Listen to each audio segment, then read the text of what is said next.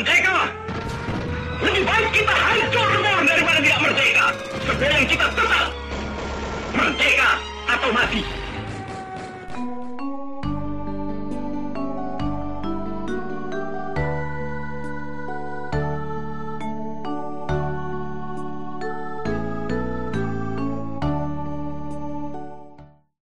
Halo, selamat datang kembali di podcast The Maroons Memory Land. Meski suara aku baru beberapa kali nangkring di podcast ini, ternyata sekarang udah ada 20 episode Temolen yang jadi temen kalian untuk ngobrolin soal sejarah.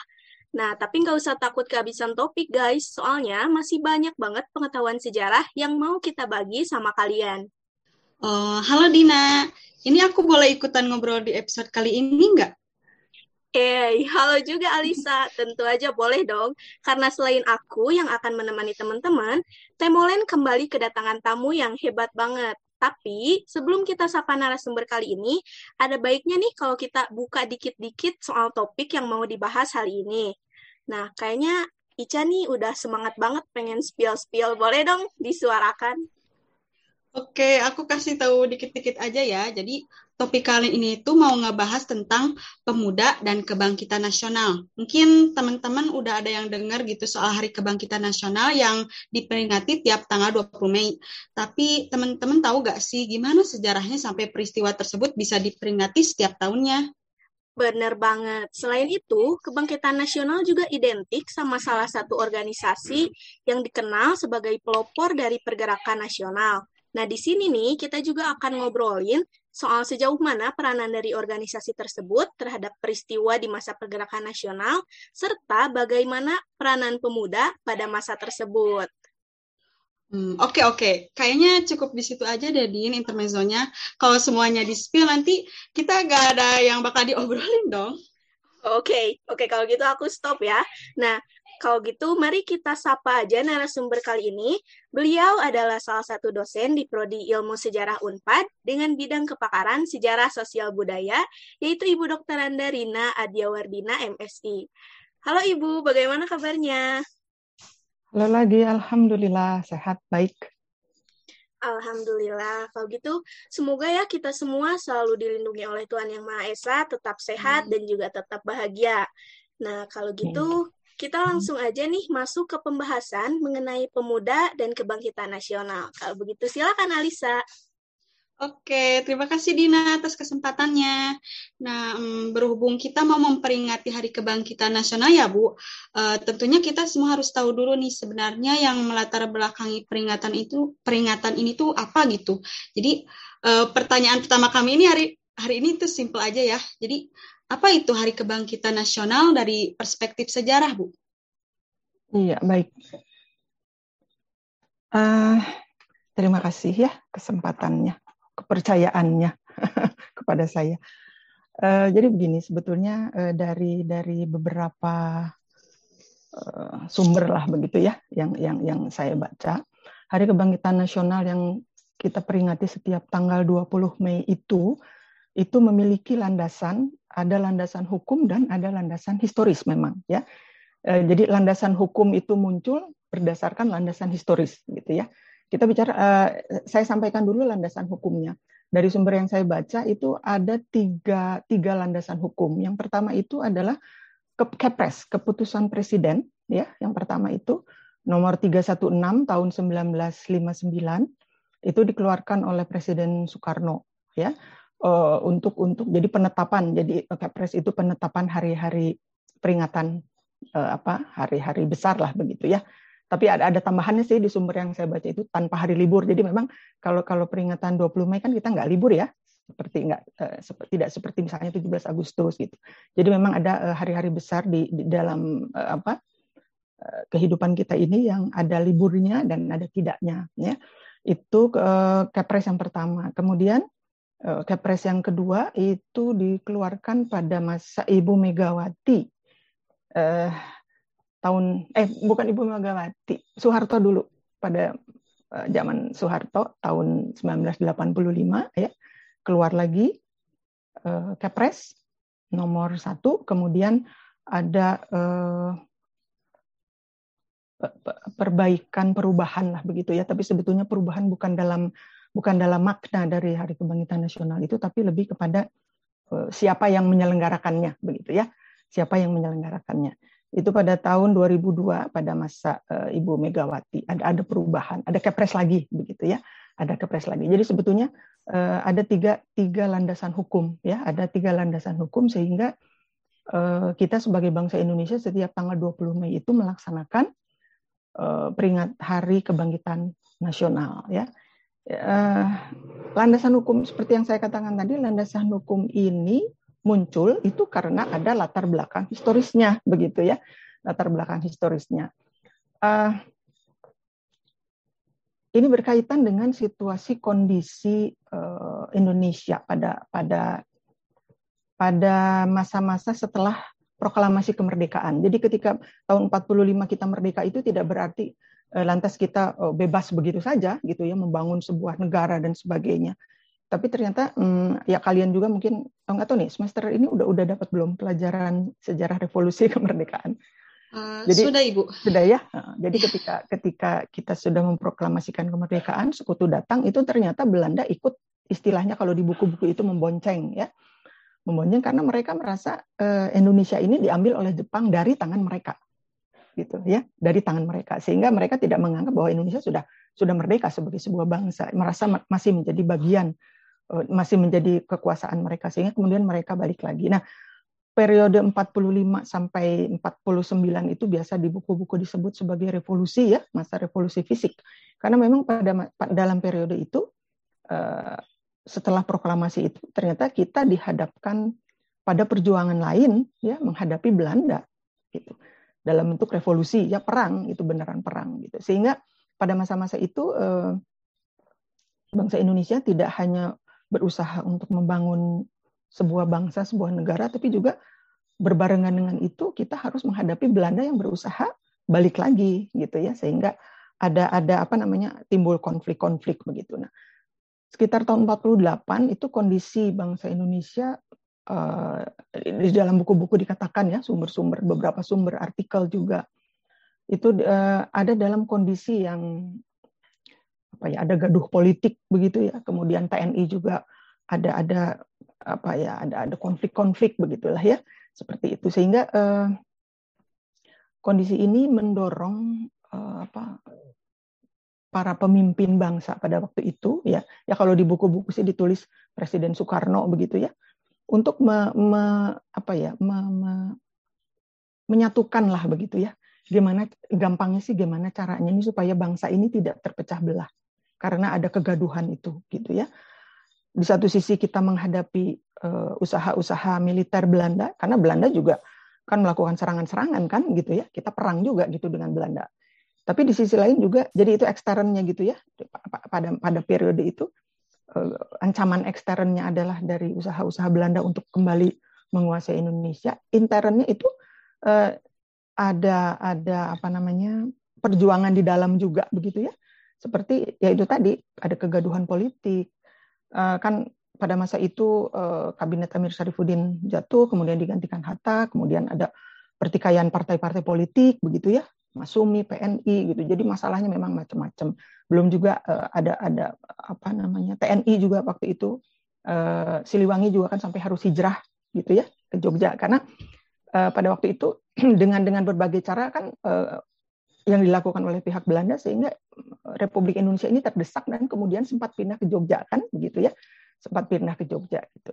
Nah, jadi dalam kondisi yang seperti ini kemudian Soekarno merasa perlu apa ya kalau kalau saya sih uh, melihatnya perlu mengangkat satu satu apa ya semacam simbol mungkin ya yang kira-kira bisa bisa menyatukan semuanya gitu ya bisa menyatukan semuanya. Walaupun di dalam sumber-sumber tidak dikatakan ini simbol tapi saya menganggapnya ini upaya Soekarno untuk mencari satu satu satu simbol yang bisa bisa dijadikan eh, perkat lah begitu ya perkat gitu. Nah tapi mengenai hal ini memang dari dari beberapa sumber yang saya baca itu ada banyak apa ya bukan banyak sih ada beberapa versi. Dari dari artikel di Kompas yang saya baca itu hmm, uh, Hang Shou apa Hang Shou Nordholt itu ya dalam bukunya aduh judul bukunya apa ya saya lupa. Itu dia menceritakan bahwa pada tahun 48 itu Soekarno menugaskan Ki Hajar Dewantoro untuk mengambil atau untuk mengangkat tanggal 20 Mei itu sebagai Hari Kebangkitan Nasional.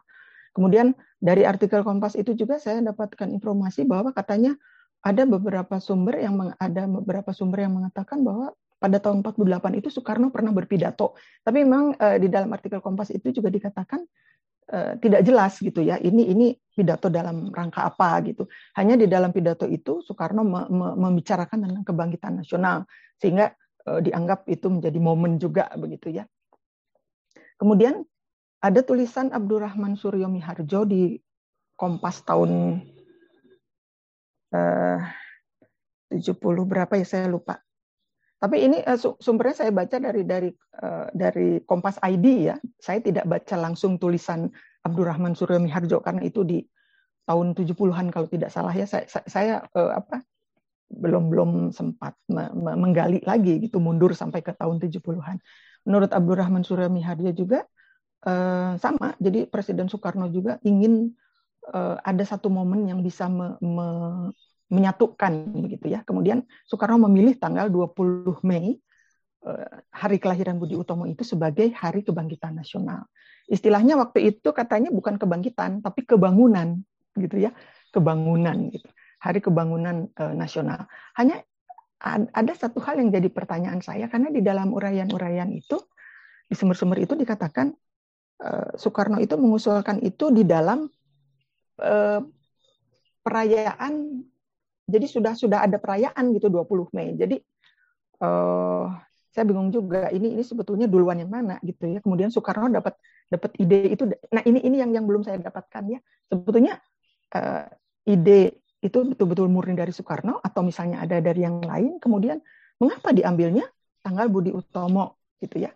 Mengapa diambilnya tanggal pendirian Budi Utomo? Karena ternyata kemudian eh, apa namanya pemilihan tanggal 20 Mei sebagai apa hari kebangkitan nasional itu itu menuai polemik gitu ya menuai polemik eh, ada sebagian kalangan yang yang berpendapat bahwa tidak tepat ya tidak tepat gitu kurang tepat kalau dikatakan 20 Mei itu sebagai Hari Kebangkitan Nasional. Jadi karena gini, Hari Kebangkitan Nasional kan itu 20 Mei itu dianggap eh, kenapa diperingati sebagai Hari Kebangkitan Nasional. Jadi seolah-olah pada tanggal 20 Mei ketika Budi Utomo berdiri itu, maka eh, apa bangkitlah rasa nasionalisme, rasa kebangsaan gitu ya. Padahal sebetulnya kan eh, apa namanya menurut pendapat yang yang tidak setuju itu Budi Utomo itu adalah organisasi yang sifatnya sebetulnya pada awal berdirinya sangat etnosentris karena dia sangat Jawa sentris. Eh, kemudian juga dia adalah organisasi yang eh, tidak bersifat politik ketika awal berdirinya. Jadi masih organisasi sosial lah begitu ya. Bahkan di bukunya eh, di buku IDAS Indonesia dalam Arus Sejarah itu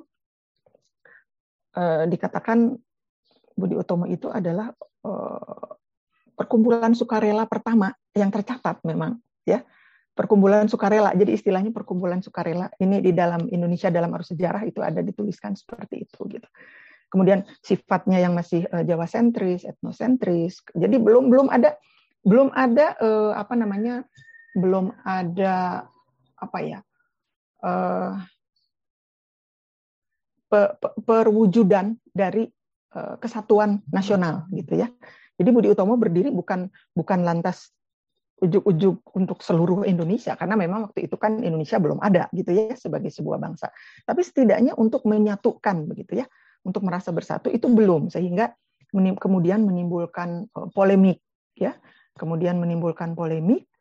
Uh, tapi ada juga yang yang yang apa namanya yang yang yang bukan membantah sih menanggapi ya mengatakan bahwa sah-sah saja tanggal 20 Mei itu di, diangkat ditetapkan sebagai Hari Kebangkitan Nasional karena Budi Utomo meskipun misalnya sifatnya masih coraknya masih uh, kedaerahan begitu ya, tapi Budi Utomo itu adalah organisasi pertama yang dianggap modern pada waktu itu. Modernnya dalam hal apa? Karena dia adalah organisasi yang sudah punya struktur uh, struktur apa namanya kepemimpinan yang jelas gitu ya jadi ada ketua, ada wakil ketua dan sebagainya. Kemudian yang penting juga kenapa dia dikatakan modern, uh, punya tujuan yang jelas dan itu di, di, di apa dituangkan dalam ADART. Jadi organisasinya sudah punya ADART ya. Sehingga uh, dengan apa dengan dengan dengan sifatnya yang coraknya yang seperti itu maka sah-sah saja. Di samping itu juga ada poin yang dikatakan oleh si penanggap ini. Poin yang penting kenapa uh, tanggal 20 Mei itu sah-sah saja dianggap sebagai Hari Kebangkitan Nasional. Karena sesudah Budi Utomo berdiri, kemudian bermunculanlah organisasi-organisasi lain, gitu, ya, sehingga dianggap eh, pendirian Budi Utomo ini memberikan inspirasi untuk tumbuhnya eh, organisasi-organisasi lain yang sifatnya sebetulnya masih kedaerahan juga, gitu ya, sifatnya masih kedaerahan juga, gitu ya. Jadi kurang lebih seperti itu, gitu ya latar belakangnya. Uh, tapi ya, ya eh, apa namanya karena Soekarno sudah menetapkan, kemudian sudah mengeluarkan Kepres gitu ya, seperti itu sehingga eh, dia disahkan ya. Walaupun eh, pihak yang tidak setuju itu eh, namanya Marwanto dan Suroto. Kalau nggak salah Suroto itu adalah memang pengarang buku zaman dulu ya, buku-buku sejarah kalau nggak salah ya ada namanya dulu Suroto. Itu termasuk yang beliau itu termasuk yang nggak tidak setuju bahwa 20 Mei itu diangkat sebagai Eh, Hari Kebangkitan Nasional dianggap dipandang sebagai itu ya, karena dia menganggap dari awal kita udah salah gitu ya. Yang yang pertama menanggapi bahwa ini tidak tepat adalah Profesor Dr. Harsawe Bahtiar ya, cendekiawan ya. Pernah dengar kali ya namanya begitu. Yaitu pertimbangannya ini sifatnya masih etnosentris, belum mencerminkan kesatuan nasional begitu ya. Sehingga kalau disebut Hari Kebangkitan Nasional untuk semuanya, untuk seluruh rakyat Indonesia seperti yang kita kenal sekarang itu rasanya uh, kurang pas juga gitu ya. Tapi ya itu sudah sudah menjadi uh, keputusan presiden, sudah ada landasan hukumnya sehingga sampai sekarang pun orang tidak kalaupun ada yang menyanggah begitu ya ya hanya sekedar menyampaikan pendapat gitu ya. Eh, karena secara hukum saya kurang tahu ya kalau sebuah kepres kemudian apakah bisa dianulir atau tidak mungkin perlu proses yang panjang juga gitu ya. Dan ini sudah berlangsung kalau dihitung sedang sejak tahun 59 sekarang sudah 2022 uh, ya sudah berapa puluh tahun kita kita menganggap itu sah-sah saja begitu ya. Sehingga sampai sekarang pun uh, 20 Mei selalu diperingati sebagai Hari Kebangkitan Nasional. Mungkin itu yang yang yang bisa saya berikan. Oh, Oke, okay, baik Bu. Uh, jadi kan Uh, tadi telah disampaikan uh, tentang latar belakangnya lahir pergerakan nasional di Indonesia kan ya Bu. Terlepas dari polemik dan perdebatan tentang apakah lahirnya Budi Utomo pantas dijadikan hari kebangkitan nasional atau tidak, sekiranya kita juga enggak bisa ngabain gitu kalau Budi Utomo itu termasuk organisasi pergerakan nasional yang sangat melekat di ingatan orang-orang ya Bu. Betul, Jadi, betul mungkin Ibu bisa jelaskan nggak Bu, sebesar apa peranan Budi Utomo dalam memperjuangkan Bumi Putra sampai eksistensinya itu sangat kuat di pikiran orang-orang? Iya betul, ya ya ya itu juga sebetulnya yang yang apa namanya uh, yang yang yang mungkin apa ya boleh dibilang istimewa atau apa ya gitu ya. Uh, karena sebetulnya seperti yang uh, disampaikan tadi sesudah Budi Utomo berdiri itu memang banyak kemudian organisasi-organisasi lain yang tumbuh gitu ya. Jadi kalau dianggap uh, Budi Utomo oh gini, kalau saya pemikirannya begini ya, kalau misalnya alasan penetapan Hari Kebangkitan Nasional uh, diambil Budi Utomo karena dia mencerminkan kesatuan, mungkin saya juga sependapat dengan yang yang yang menyanggah itu tadi ya, karena memang Eh, sifatnya masih masih etnosentris. Tapi kalau dikatakan bahwa Budi Utomo kemudian boleh dikatakan menginspirasi pemuda-pemuda di daerah lain untuk kemudian juga membentuk eh, organisasi yang sama, begitu ya, itu boleh jadi bisa dikatakan uh, oke okay, dia punya punya peranan yang cukup besar, begitu ya, untuk menumbuhkan organisasi-organisasi lain, ya, karena kita tahu kan ada ada paguyuban Pasundan, ya, ada dari IDAS sebentar ini saya mencatat dari dari apa namanya hmm, Indonesia dalam arus sejarah beberapa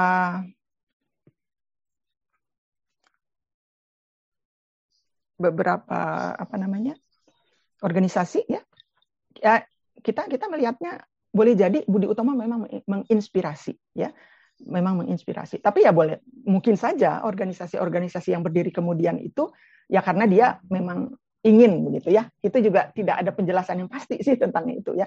Tapi kalau saya sih melihatnya boleh jadi Budi Utomo memang menjadi inspirasi. Seperti misalnya Syarikat Islam ya 1911. Walaupun kalau Syarikat Islam itu sebetulnya kan katanya awalnya 1905 ya dari Syarikat Dagang Islam yang kemudian berkembang menjadi Syarikat Islam.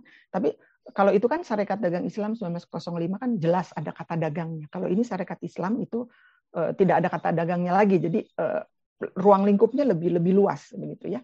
Itu tahun 1911. Kemudian Paguyuban Pasundan 1914. Eh, ada yang mengatakan juga 1913 ya Paguyuban Pasundan itu.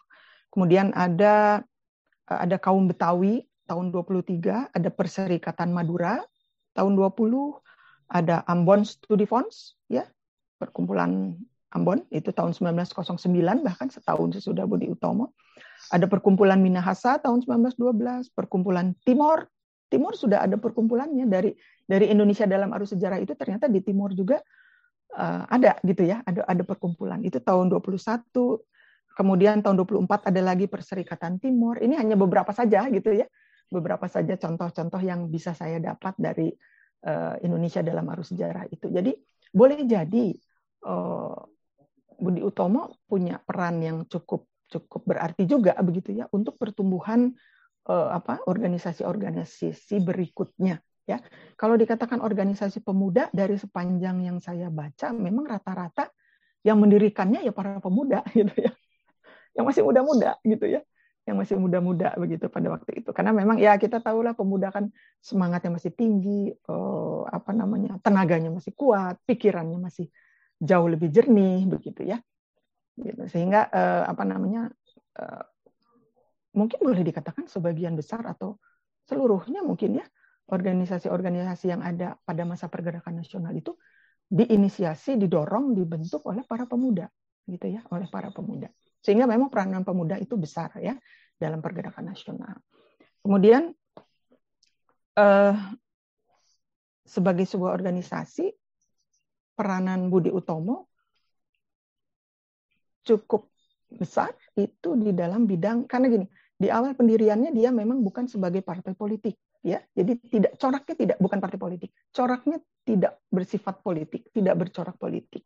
Jadi di awal pendiriannya itu eh, dia bergerak di bidang sosial budaya. Sehingga di dalam Indonesia dalam arus sejarah juga dikatakan organisasi sukarela gitu ya. Dikatakannya organisasi sukarela.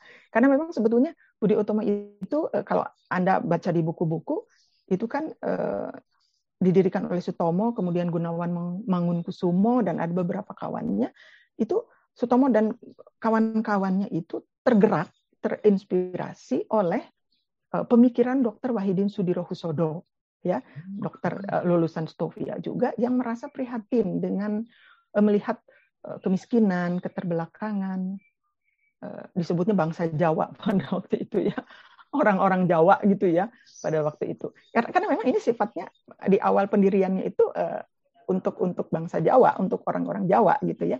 Sehingga eh, di dalam sumber itu dikatakan Dr. Wahidin Sudirohusodo itu prihatin gitu dengan kondisi itu ya.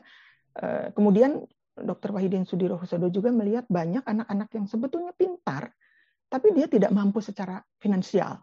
Sehingga eh, tergerak apa Dr. Wahidin ini punya ide lah gitu ya untuk membentuk satu studi funds istilahnya ya beasiswa lah mungkin ya kalau sekarang ya studi funds gitu. Nah itu itu di, di apa eh, Wahidin itu berbicara dari dari dari sekolah ke sekolah katanya, termasuk di Stovia. Nah di Stovia itu apa yang pemikiran ide Wahidin itu kemudian mampu menggerakkan mampu menggerakkan Sutomo dan kawan-kawan ya sehingga kemudian mereka tergerak untuk mendirikan uh, Budi Utomo ya tergerak untuk mendirikan Budi Utomo jadi awalnya memang dia adalah uh, organisasi sosial karena dia bergerak di bidang pendidikan, kemudian bidang eh, sosial budaya gitu ya. Kesenian juga termasuk bidang budaya juga, ekonomi juga. Karena eh, beberapa sumber juga mengatakan dia eh, juga ingin memajukan bidang pertanian, peternakan, perdagangan juga gitu ya. Jadi eh, meliputi berbagai bidang kehidupan lah gitu ya. Hanya memang belum belum eh, bercorak politik. Jadi belum mengarah pada eh, hal-hal politik ya. Jadi peran Budi Utomo ya di bidang-bidang itu gitu ya, terutama sih memang di bidang uh, pendidikan ya, di bidang pendidikan gitu. Jadi uh, kon, katakanlah kon, concernnya lah begitu ya di bidang itu gitu.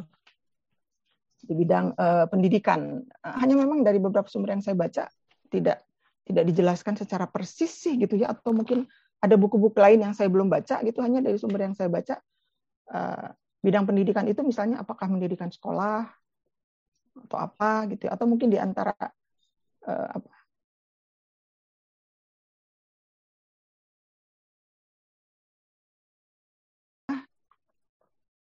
Uh, di bidang pendidikan ya jadi di bidang pendidikan. Karena uh, pendidikan itu menjadi uh, apa ya? Boleh dikatakan di bukunya Sartono Kartodirjo itu yang sejarah Indonesia baru itu ada di ada satu statement yang menyatakan bahwa pendidikan itu bisa menjadi bom waktu edukasi itu. Jadi artinya dengan pendidikan itu setiap individu bisa mendapatkan pencerahan gitu ya. Pencerahan. Pencerahan dalam hal apa saja? Terutama sih sebetulnya dalam hal wawasan pemikiran pemahaman mengenai sesuatu gitu ya kan beda ya orang yang sekolah dengan yang tidak sekolah kan beda ya gitu. Kalian juga paham lah gitu ya seperti itu. Jadi memang pendidikan itu eh, bisa menjadi bom waktu gitu ya. Dia bisa menjadi uh, pencerah bisa menjadi penggerak bisa menjadi pembuka pembuka wawasan begitu ya.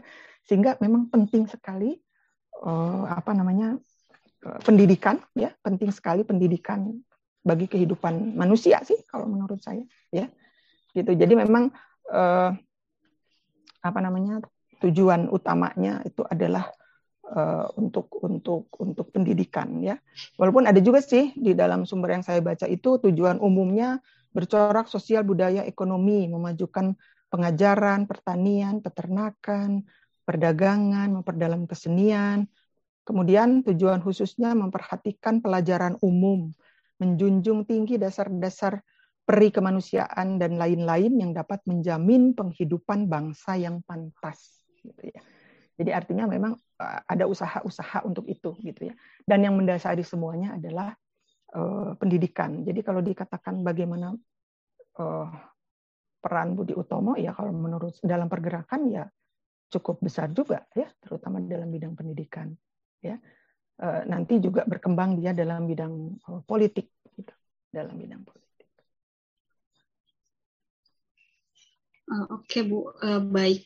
Um, tadi kan udah dibahas banyak sekali gitu kayak tujuan Budi Utomonya kenapa gitu uh, di bisa menjadi apa ya inspirasi bagi banyak um, organisasi gitu kan Bu. Bisa jadi dibilang seperti itu. Dan juga uh, peranan dan tujuan mengapa Budi Utomo itu dibentuk gitu kan. Tadi Ibu bilang seperti uh, tujuan utamanya itu dari pendidikan dulu dan merembet gitu ke mana-mana kan gitu kan. Dan uh, apa ya dan apa uh, setelah itu kayaknya kalau misalnya kurang lengkap gitu bu kalau misalnya nggak ngebahas tentang hal-hal yang timbul dari kejadian tersebut selain uh, terbentuknya apa organisasi gitu kan bukan uh, Budi Utomo menjadi inspirasi gitu. Boleh diceritain lagi gak Bu sebesar apa gitu pengaruh dari adanya organisasi dan perkumpulan ini bagi kemerdekaan bangsa Indonesia hingga bisa menjadi negara independen seperti sekarang Bu. Gitu. Pengaruh Budi Utomo bagi kemerdekaan uh, bagi Indonesia. Kemerdekaan Indonesia, ya. Bagi kemerdekaan Indonesia. Uh, mungkin sisi politik ya gak sih Bu? Iya sih kayaknya ya. Karena eh, tahun 35 kan dia melebur ya. Tahun 35 Budi Utmo melebur eh, ke dalam Parindra sehingga ya namanya tidak ada lagi begitu ya. Jadi kalau dikatakan eh, sumbangsinya atau pengaruhnya atau apa apa eh, bagi kemerdekaan ya ya mungkin itu dengan dengan dijadikannya tanggal 20 Mei sebagai hari kebangkitan nasional itu merupakan satu bentuk apresiasi ya penghargaan penilaian dari negara terhadap keberadaan organisasi ini ya. Kalau menurut saya sih itu gitu ya kalau menurut saya itu gitu. Uh, dalam kalau ditanya dalam perkembangan tadi kan sosial budaya begitu ya kalau dalam perkembangan politik memang uh, lama kelamaan uh, apa namanya Budi Utomo ter, ter, ter, terdorong juga untuk terjun ke dalam bidang dalam bidang politik ya. Itu antara lain ditunjukkan misalnya dengan ikut dalam apa Eh, kegiatan atau usulan lah ya adanya India Werbar itu ya, India Werbar ya. India Werbar itu. Uh, jadi uh, apa untuk untuk untuk bikin pertahanan supaya seandainya perang-perang dunia ke satu itu ikut merembet gitu ya pada waktu itu sehingga kan perlu perlu bertahan nih. Nah, apa orang-orang di Hindia Belanda ya bangsa Indonesia waktu itu gitu ya belum ada sih nama Indonesia di Hindia Belanda merasa perlu untuk membantu uh, apa pemerintah kolonial Belanda untuk mempertahankan gitu ya uh, untuk mempertahankan karena memang pada waktu itu corak-corak pergerakan nasional kan uh, ada sebagian yang yang yang memang uh, istilahnya ko kooperatif, jadi memang bekerja sama, artinya sesuai saja dengan aturan apa yang dikeluarkan misalnya berbagai aturan oleh pemerintah kolonial Belanda, tapi juga ada yang non kooperatif gitu ya. Non kooperatif itu nanti dalam perkembangannya itu itu terutama kelihatan oh, dari kalau kita bahas tentang PNI sih gitu ya, itu lebih lebih kelihatan. Tapi kan sekarang kita bicara Budi Utomo gitu ya.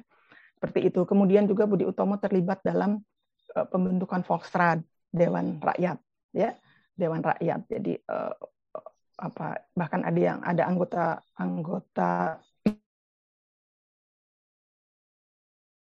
Budi Utomo yang ikut duduk sebagai anggota Volksraad. Walaupun ya namanya Dewan Rakyat, tapi isinya kalau dari buku-buku yang kita baca eh, apa namanya orang-orang Indonesia ini ya tetap sedikit gitu ya. Dan jadi suaranya memang tidak tidak jangan dibayangkan seperti apa DPR sekarang gitu ya. Karena karena itu tadi apa suasana penjajahan itu tetap terasa gitu ya, tetap ada gitu ya. Karena maksudnya untuk bisa menyuarakan suara-suara rakyat dalam hal ini adalah rakyat yang dijajahnya, tapi ya tetap saja tetap diatur oleh yang ya, yang di atas begitu ya. Kemudian mungkin yang yang cukup penting juga dalam hal politik adalah bergabungnya Budi Utomo dalam PPPKI Permufakatan eh, partai-partai politik kebangsaan Indonesia tahun 27 ya yang di yang di apa namanya dibentuk oleh uh, Soekarno pada waktu itu. Itu jadi menggabungkan partai-partai politik yang ada itu supaya satu suara begitu ya. Karena uh, apa namanya eh, organisasi-organisasi kemudian tumbuh partai-partai politik pada waktu itu kan bukan cuma Budi Utomo ya. Banyak juga yang lain gitu sehingga uh, tidak ada tidak ada uh, tidak ada kesatuan kesatuan tujuan gitu ya. Tidak ada kesatuan tujuan tidak ada kesatuan pemikiran sehingga Soekarno merasa perlu untuk membentuk satu satu istilahnya permufakatan pada waktu itu ya. PPKI dan uh, Budi Utomo ikut gabung di situ. Jadi artinya dengan ikut bergabung ke dalam PPPKI itu sudah sudah jelas-jelas me, me, mencerminkan corak politisnya gitu ya. Corak politisnya. Karena biar bagaimanapun ya di dalam suasana terjajah seperti itu, kalau ini menurut pandangan saya, kalau kita semata-mata hanya bergerak di bidang sosial budaya, ekonomi tanpa ikut terjun dalam bidang politik, rasanya sementara ada ada keinginan untuk merdeka misalnya gitu ya, dan itu berkait dengan hal politis kan, kalau ingin lepas yeah. dari penjajahan. Jadi mau tidak mau ya harus harus berkecimpung atau harus bercorak politis gitu ya, sehingga kemudian eh, organisasi-organisasi yang ada pada waktu itu termasuk Budi Utomo kemudian bergabung dalam PPPKI dan untuk memperjuangkan itu gitu ya untuk memper, eh, memperjuangkan punya tujuan begitu ya punya tujuan untuk untuk kemerdekaan Indonesia gitu ya. Jadi mungkin itu ya secara secara garis besar sih dalam bidang politik seperti itu ya. Karena uh, seperti yang saya sampaikan itu tahun 27 bergabung ke PPPKI tapi kemudian pada tahun 35 karena dia bergabung dengan Parindra maka eh, bergabung dengan PBI kemudian menjadi Parindra PBI eh, apa Perserikatan Bangsa Indonesia yang didirikan oleh Dr. Sutomo yang dulunya anggota BU, BU juga ya gitu ya. Membentuk PBI kemudian eh, bergabung dan mendirikan Parindra. Maka ya Budi Utomo eh, boleh dibilang selesai gitu ya dalam artian. Sebagai sebuah organisasi karena namanya juga kan berarti sudah tidak ada gitu ya. Jadi kalau ditanyakan peranannya atau pengaruhnya bagi kemerdekaan, saya pikir ya itu tadi penetapan tanggal berdirinya Budi Utomo sebagai Hari Kebangkitan Nasional itu bisa menjadi uh, bentuk apresiasi, uh, penghargaan, penilaian gitu ya dari negara terhadap uh, Budi Utomo sebagai sebuah uh, ya boleh dibilang mungkin pelopor lah begitu ya. Di dalam buku-buku dikatakan pelopor gitu ya walaupun ya itu tadi polemik ya tapi nggak apa ini saya sampaikan saja. Itu dianggap sebagai pelopor lah begitu. Ya pelopor organisasi. Itu mungkin. Uh, jadi kan sebelumnya itu uh, ibu sempat ngungkit juga kan kayak peranan para pemuda dalam pergerakan-pergerakan nasional di Indonesia gitu. Kayak contoh-contoh lain. Itu mungkin uh, seperti peristiwa Rengas Dengklok kan diperkasai oleh kaum pemuda juga kan kalau di masa Orde Baru itu ada mahasiswa yang juga menjadi uh, pelopor dan um, memegang peranan penting dalam peristiwa 98 kan Bu. Nah mungkin ini sekalian pertanyaan terakhir juga ya Bu. Uh, menurut Ibu kira-kira uh, mengapa gitu pemuda menjadi golongan yang cukup berpengaruh terhadap pergerakan-pergerakan yang ada di Indonesia Bu? Apa yang membedakannya dengan katakanlah ya kayak kalangan lebih senior dan sebenarnya lebih berpengalaman daripada pemuda gitu loh. Bagaimana Bu? Uh, saya bukan psikolog ya. Jadi kalau ditanya kenapa yang pemuda gitu ya. Tapi saya melihatnya seperti yang saya sampaikan tadi, pemuda itu kan memang uh, apa uh, ya dari sisi tenaga dia masih kuat, pemikirannya masih masih apa masih masih ya mudah-mudahan masih jernih gitu ya. Belum belum. Beda dengan senior ya. Kalau senior apalagi senior misalnya dia sudah masuk dalam lingkaran elit politik elit pemerintahan itu kan sudah banyak. Wah ini itulah begitu ya. Sehingga kalau pemuda masih masih masih boleh dibilang kalau menurut saya masih mudah-mudahan sih memang masih jernih gitu ya pemikirannya. Uh, idealis ya. Umumnya pemuda itu kan idealis. Dia punya punya cita-cita gitu ya. Kan anak-anak muda dari kecil juga ditanya cita-citanya apa? gitu ya. Seperti jadi setiap pemuda itu punya cita-cita, cita-cita untuk untuk dirinya, untuk keluarganya, untuk bangsanya juga gitu ya, untuk bangsanya. Jadi kalau dikatakan kenapa kok pemuda gitu bukan yang tua-tua? Karena itu tadi punya punya sifat-sifat itu tadi gitu ya. Uh, tapi di samping itu juga kenapa kemudian pemuda yang bergerak tidak terlepas dari uh, situasi dan kondisi lingkungan di mana dia berada. Ya, situasi kondisi lingkungan di mana dia berada. Saya ingin menambahkan sedikit mundur ke ke belakang ke masa pergerakan eh, pada masa pergerakan nasional itu sebetulnya pemuda-pemuda yang yang ikut katakanlah berjuang bergerak kemudian ikut berpikir gitu ya mengeluarkan ide-ide dan sebagainya itu bukan hanya para pemuda yang ada di tanah air. Bukan hanya organisasi-organisasi yang ada di tanah air. Tapi ternyata pada pada masa itu sudah cukup banyak pemuda-pemuda Indonesia yang menuntut ilmu di luar negeri, terutama memang di Belanda gitu ya, di Belanda gitu, di, di, di negeri penjajah begitu ya, di negeri penjajah mereka menuntut ilmu. Bahkan dikatakan uh, ada satu artikel di jurnal ilmiah yang yang membahas tentang hal ini ya, uh, bagaimana perjuangan pemuda-pemuda Indonesia yang sedang sekolah di luar negeri memperjuangkan uh, nasionalisme Indonesia di luar negeri. Gitu ya. Kebetulan saya menemukan ada ada ada apa artikelnya di jurnal ilmiah begitu ya yang yang menceritakan itu. Nah pemuda-pemuda Indonesia yang ada di luar negeri itu mereka tidak uh, tidak hanya memikirkan diri sendiri. Jadi artinya ah saya mah sedang sekolah di luar negeri. Yang terjadi di tanah air mah ya gimana mereka aja lah yang di sana gitu. Ternyata tidak seperti itu gitu ya itu antara lain ditandai dengan berdirinya Perhimpunan Indonesia. PI ya, pernah dengar ya? Perhimpunan Indonesia ya. Nah, sebetulnya ini sama dengan dengan Budi Utomo ya dan ini sama, sama dengan Budi Utomo. Pertama dia berdiri tahun 1908. Didirikan oleh pelajar mahasiswa Indonesia yang ada di Belanda, yang sedang sekolah di Belanda ya.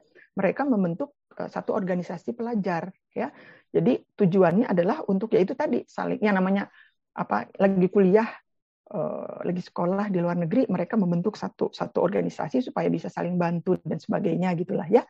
Jadi ini hanya semacam ikatan-ikatan apa organisasi pelajar saja namanya Indice for Anything ya. Itu tahun 1908. Tapi kemudian dalam perkembangannya dalam perkembangannya Eh, sama seperti Budi Utomo, mereka juga kemudian bergerak lebih ke arah yang politis, begitu ya, lebih ke arah eh, yang bersifat eh, politis.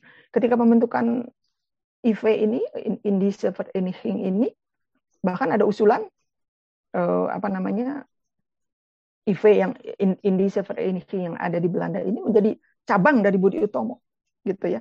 Tapi ada yang ada sebagian anggotanya yang tidak setuju gitu ya. Disebutkan ada orang Ambon, aduh siapa namanya saya lupa. Dari dari sumber yang saya baca itu dia tidak setuju karena menurut dia karena kan Budi Utomo kan jelas Jawa sentris gitu ya. Kalau ini menjadi cabang, maka sifatnya juga akan akan akan Jawa sentris begitu ya. Nah, si, si, uh, mahasiswa yang dari Ambon ini dia tidak setuju gitu ya. Menurut dia uh, kalaupun Indische Vereniging adalah satu perkumpulan pelajar, maka dia harus harus meliputi semua, gitu ya, meliputi semua bangsa. Yang yang yang yang saya terkesan di sini adalah ternyata pada waktu itu kan yang namanya negara Indonesia belum ada ya, gitu ya. Tapi yang namanya orang Ambon, orang Jawa, ya orang Jawa juga kan pada akhirnya seperti Budi Utomo kan merasa satu juga dengan suku-suku yang lain ya. Itu yang yang sekolah di Belanda itu banyak ya. Tidak hanya dari Jawa, dari Sumatera, dari Minahasa, dari Ambon dan sebagainya itu ternyata mereka sudah merasa satu gitu loh ya merasa sebagai satu bangsa sehingga ketika diminta untuk jadi cabang Budi Utomo mereka tidak mau. Ada pihak yang tidak mau gitu ya. Harus menjadi satu kita sebagai satu gitu. Tidak hanya eh, cabang Budi Utomo aja gitu ya. Seperti itu. Itu itu kemudian eh, apa akhirnya eh, mereka setuju dan mereka tetap berdiri sebagai sebuah organisasi pelajar. Tapi ya dalam perkembangannya mereka kemudian berkembang ke arah yang lebih politis gitu ya.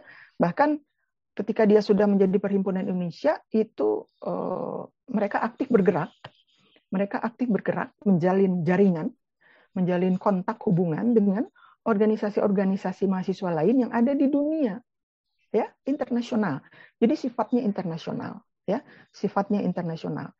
Uh, dengan pusat-pusat pergerakannya itu ada di Paris ya, ada di Paris ini ini dari artikel yang saya baca itu ya. Pusat pergerakannya ada di Paris begitu.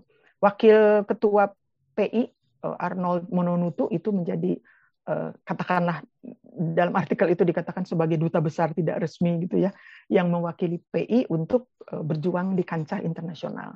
Jadi perjuangan pergerakan nasional pada waktu itu tidak hanya dilakukan oleh pemuda-pemuda yang ada di tanah air, tapi juga ternyata pemuda-pemuda yang ada di luar negeri yang sedang sekolah, mereka apa namanya punya rasa rasa nasionalisme yang kuat sehingga merasa perlu juga memperjuangkan dengan cara mereka ya, karena mereka kan dari, dari luar ya, gitu dari luar. Tapi meskipun mereka berada di luar, mereka punya rasa nasionalisme yang tinggi untuk juga turut membangun uh, apa uh, Hindia Belanda pada waktu itu supaya wilayah Hindia Belanda yang pada waktu itu masih terjajah supaya merdeka dan itu uh, mereka membangun jaringan dengan uh, apa gerakan-gerakan anti kolonialisme, anti imperialisme yang ada di mancanegara. Jadi sifatnya internasional. Bahkan Hatta itu di dalam salah satu kongres ya, kongres di di di, di Paris itu Hatta berbicara gitu, berpidato dan memperkenalkan Indonesia gitu ya di situ bahwa Indonesia itu ada dikatakan Indonesia adalah uh, gugusan pulau gugusan pulau dengan yang apa dengan jumlah penduduknya 50 juta pada waktu itu 50 juta bayangkan sekarang sudah 200 berapa kali lipat ya.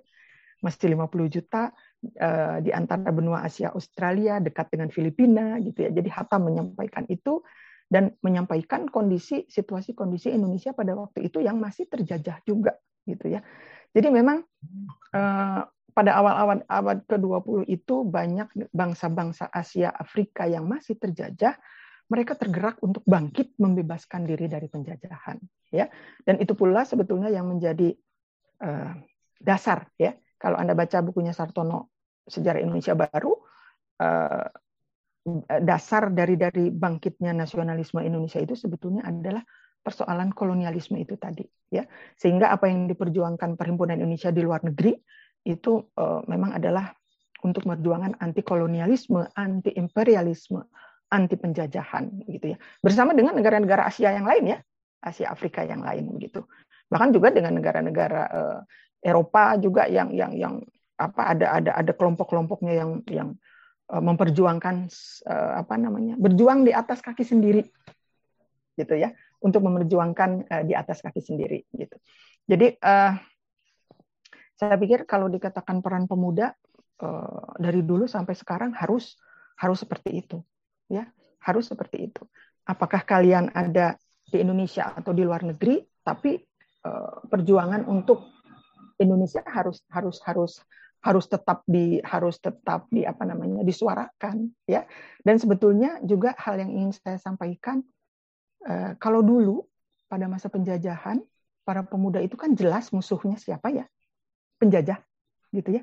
Sekarang ketika kita sudah merdeka siapa musuh kita apa yang harus kita perjuangkan sebagai pemuda gitu ya Anda harus bertanya kepada diri sendiri saya juga bertanya kepada uh, kalian yang muda-muda gitu jadi apa yang yang harus kalian lakukan untuk mengisi kemerdekaan ini gitu ya, untuk tetap mempertahankan nasionalisme ini ya.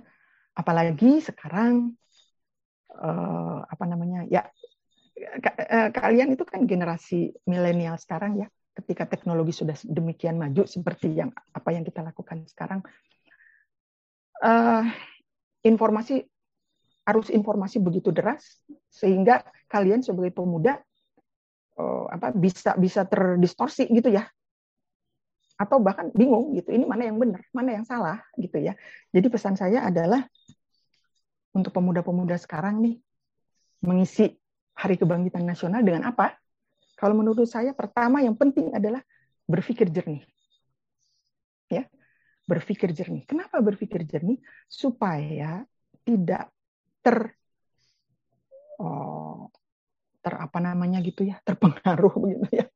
Terpengaruh oleh pikiran-pikiran negatif hal-hal yang buruk yang bisa terutama hal-hal yang bisa memecah belah NKRI ya.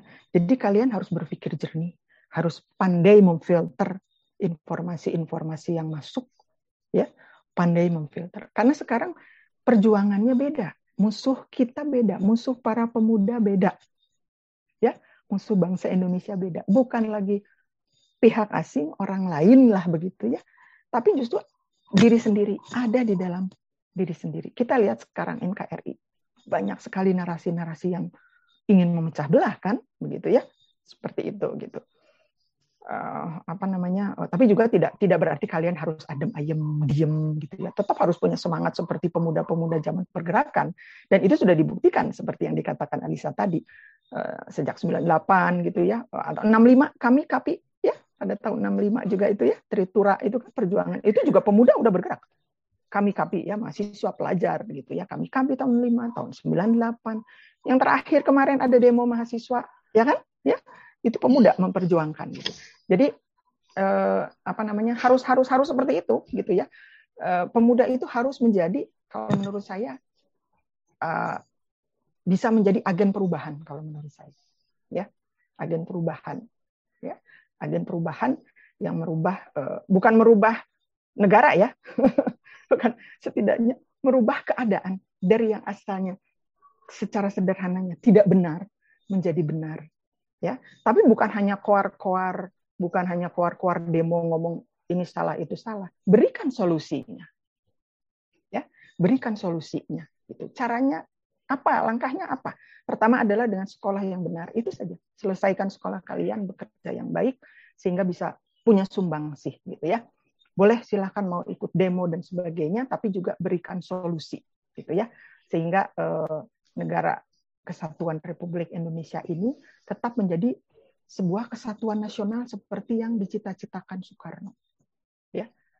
Membangun eh, apa eh, nasionalisme jangan sampai luntur walaupun mungkin coraknya berbeda gitu ya nasionalismenya gitu ya tapi harus tetap dijaga itu mungkin yang bisa saya sampaikan oh, Oke okay, Bu, baik terima kasih atas penjelasannya Bu. Uh, menurut saya uh, penjelasan Ibu menarik gitu Bu. Uh, kan uh, kayak misalnya tuh tadi itu pernah tadi disinggung sama Ibu kayak adanya polemik uh, kalau hari uh, dibentuknya Budi Utomo itu uh, apa ya uh, kurang kurang kurang sesuai kan kayak soalnya etnosentris nama Jawa sentris gitu kan uh, si Budi Utomo itu dasarnya. Tapi karena Budi Utomo itu banyak juga banyak perannya gitu kan, untuk uh, perjuangan dan kebangkitan nasional jadi uh, uh, negara ataupun pemerintah mungkin menilai dan juga mengapresiasi dan jadi dibentuklah uh, Hari Kebangkitan Nasional itu pada tanggal uh, Budi Utomo itu didirikan kan ya Bu gitu. Dan lalu um, kayak misalnya selain itu juga uh, tadi Ibu bilang kayak pemuda itu uh, pemikirannya itu harus jernih dan juga ideal idealis kan gitu Bu. Kayak uh, apa ya? nggak nggak punya ini apa namanya?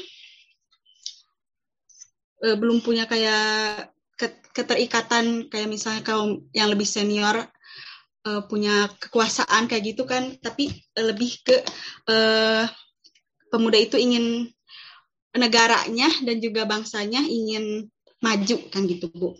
Betul. lalu uh, selain itu kayak apa ya tadi tuh pemuda juga harus jadi agen perubahan jadi uh, boleh menyuarakan pendapatnya, uh, boleh uh, menyuarakan aspirasi-aspirasinya, tapi juga dibarengi dengan uh, aksi yang nyata gitu ataupun solusi gitu. Jadi betul. tidak hanya koar-koar saja gitu ya betul, ya kan betul.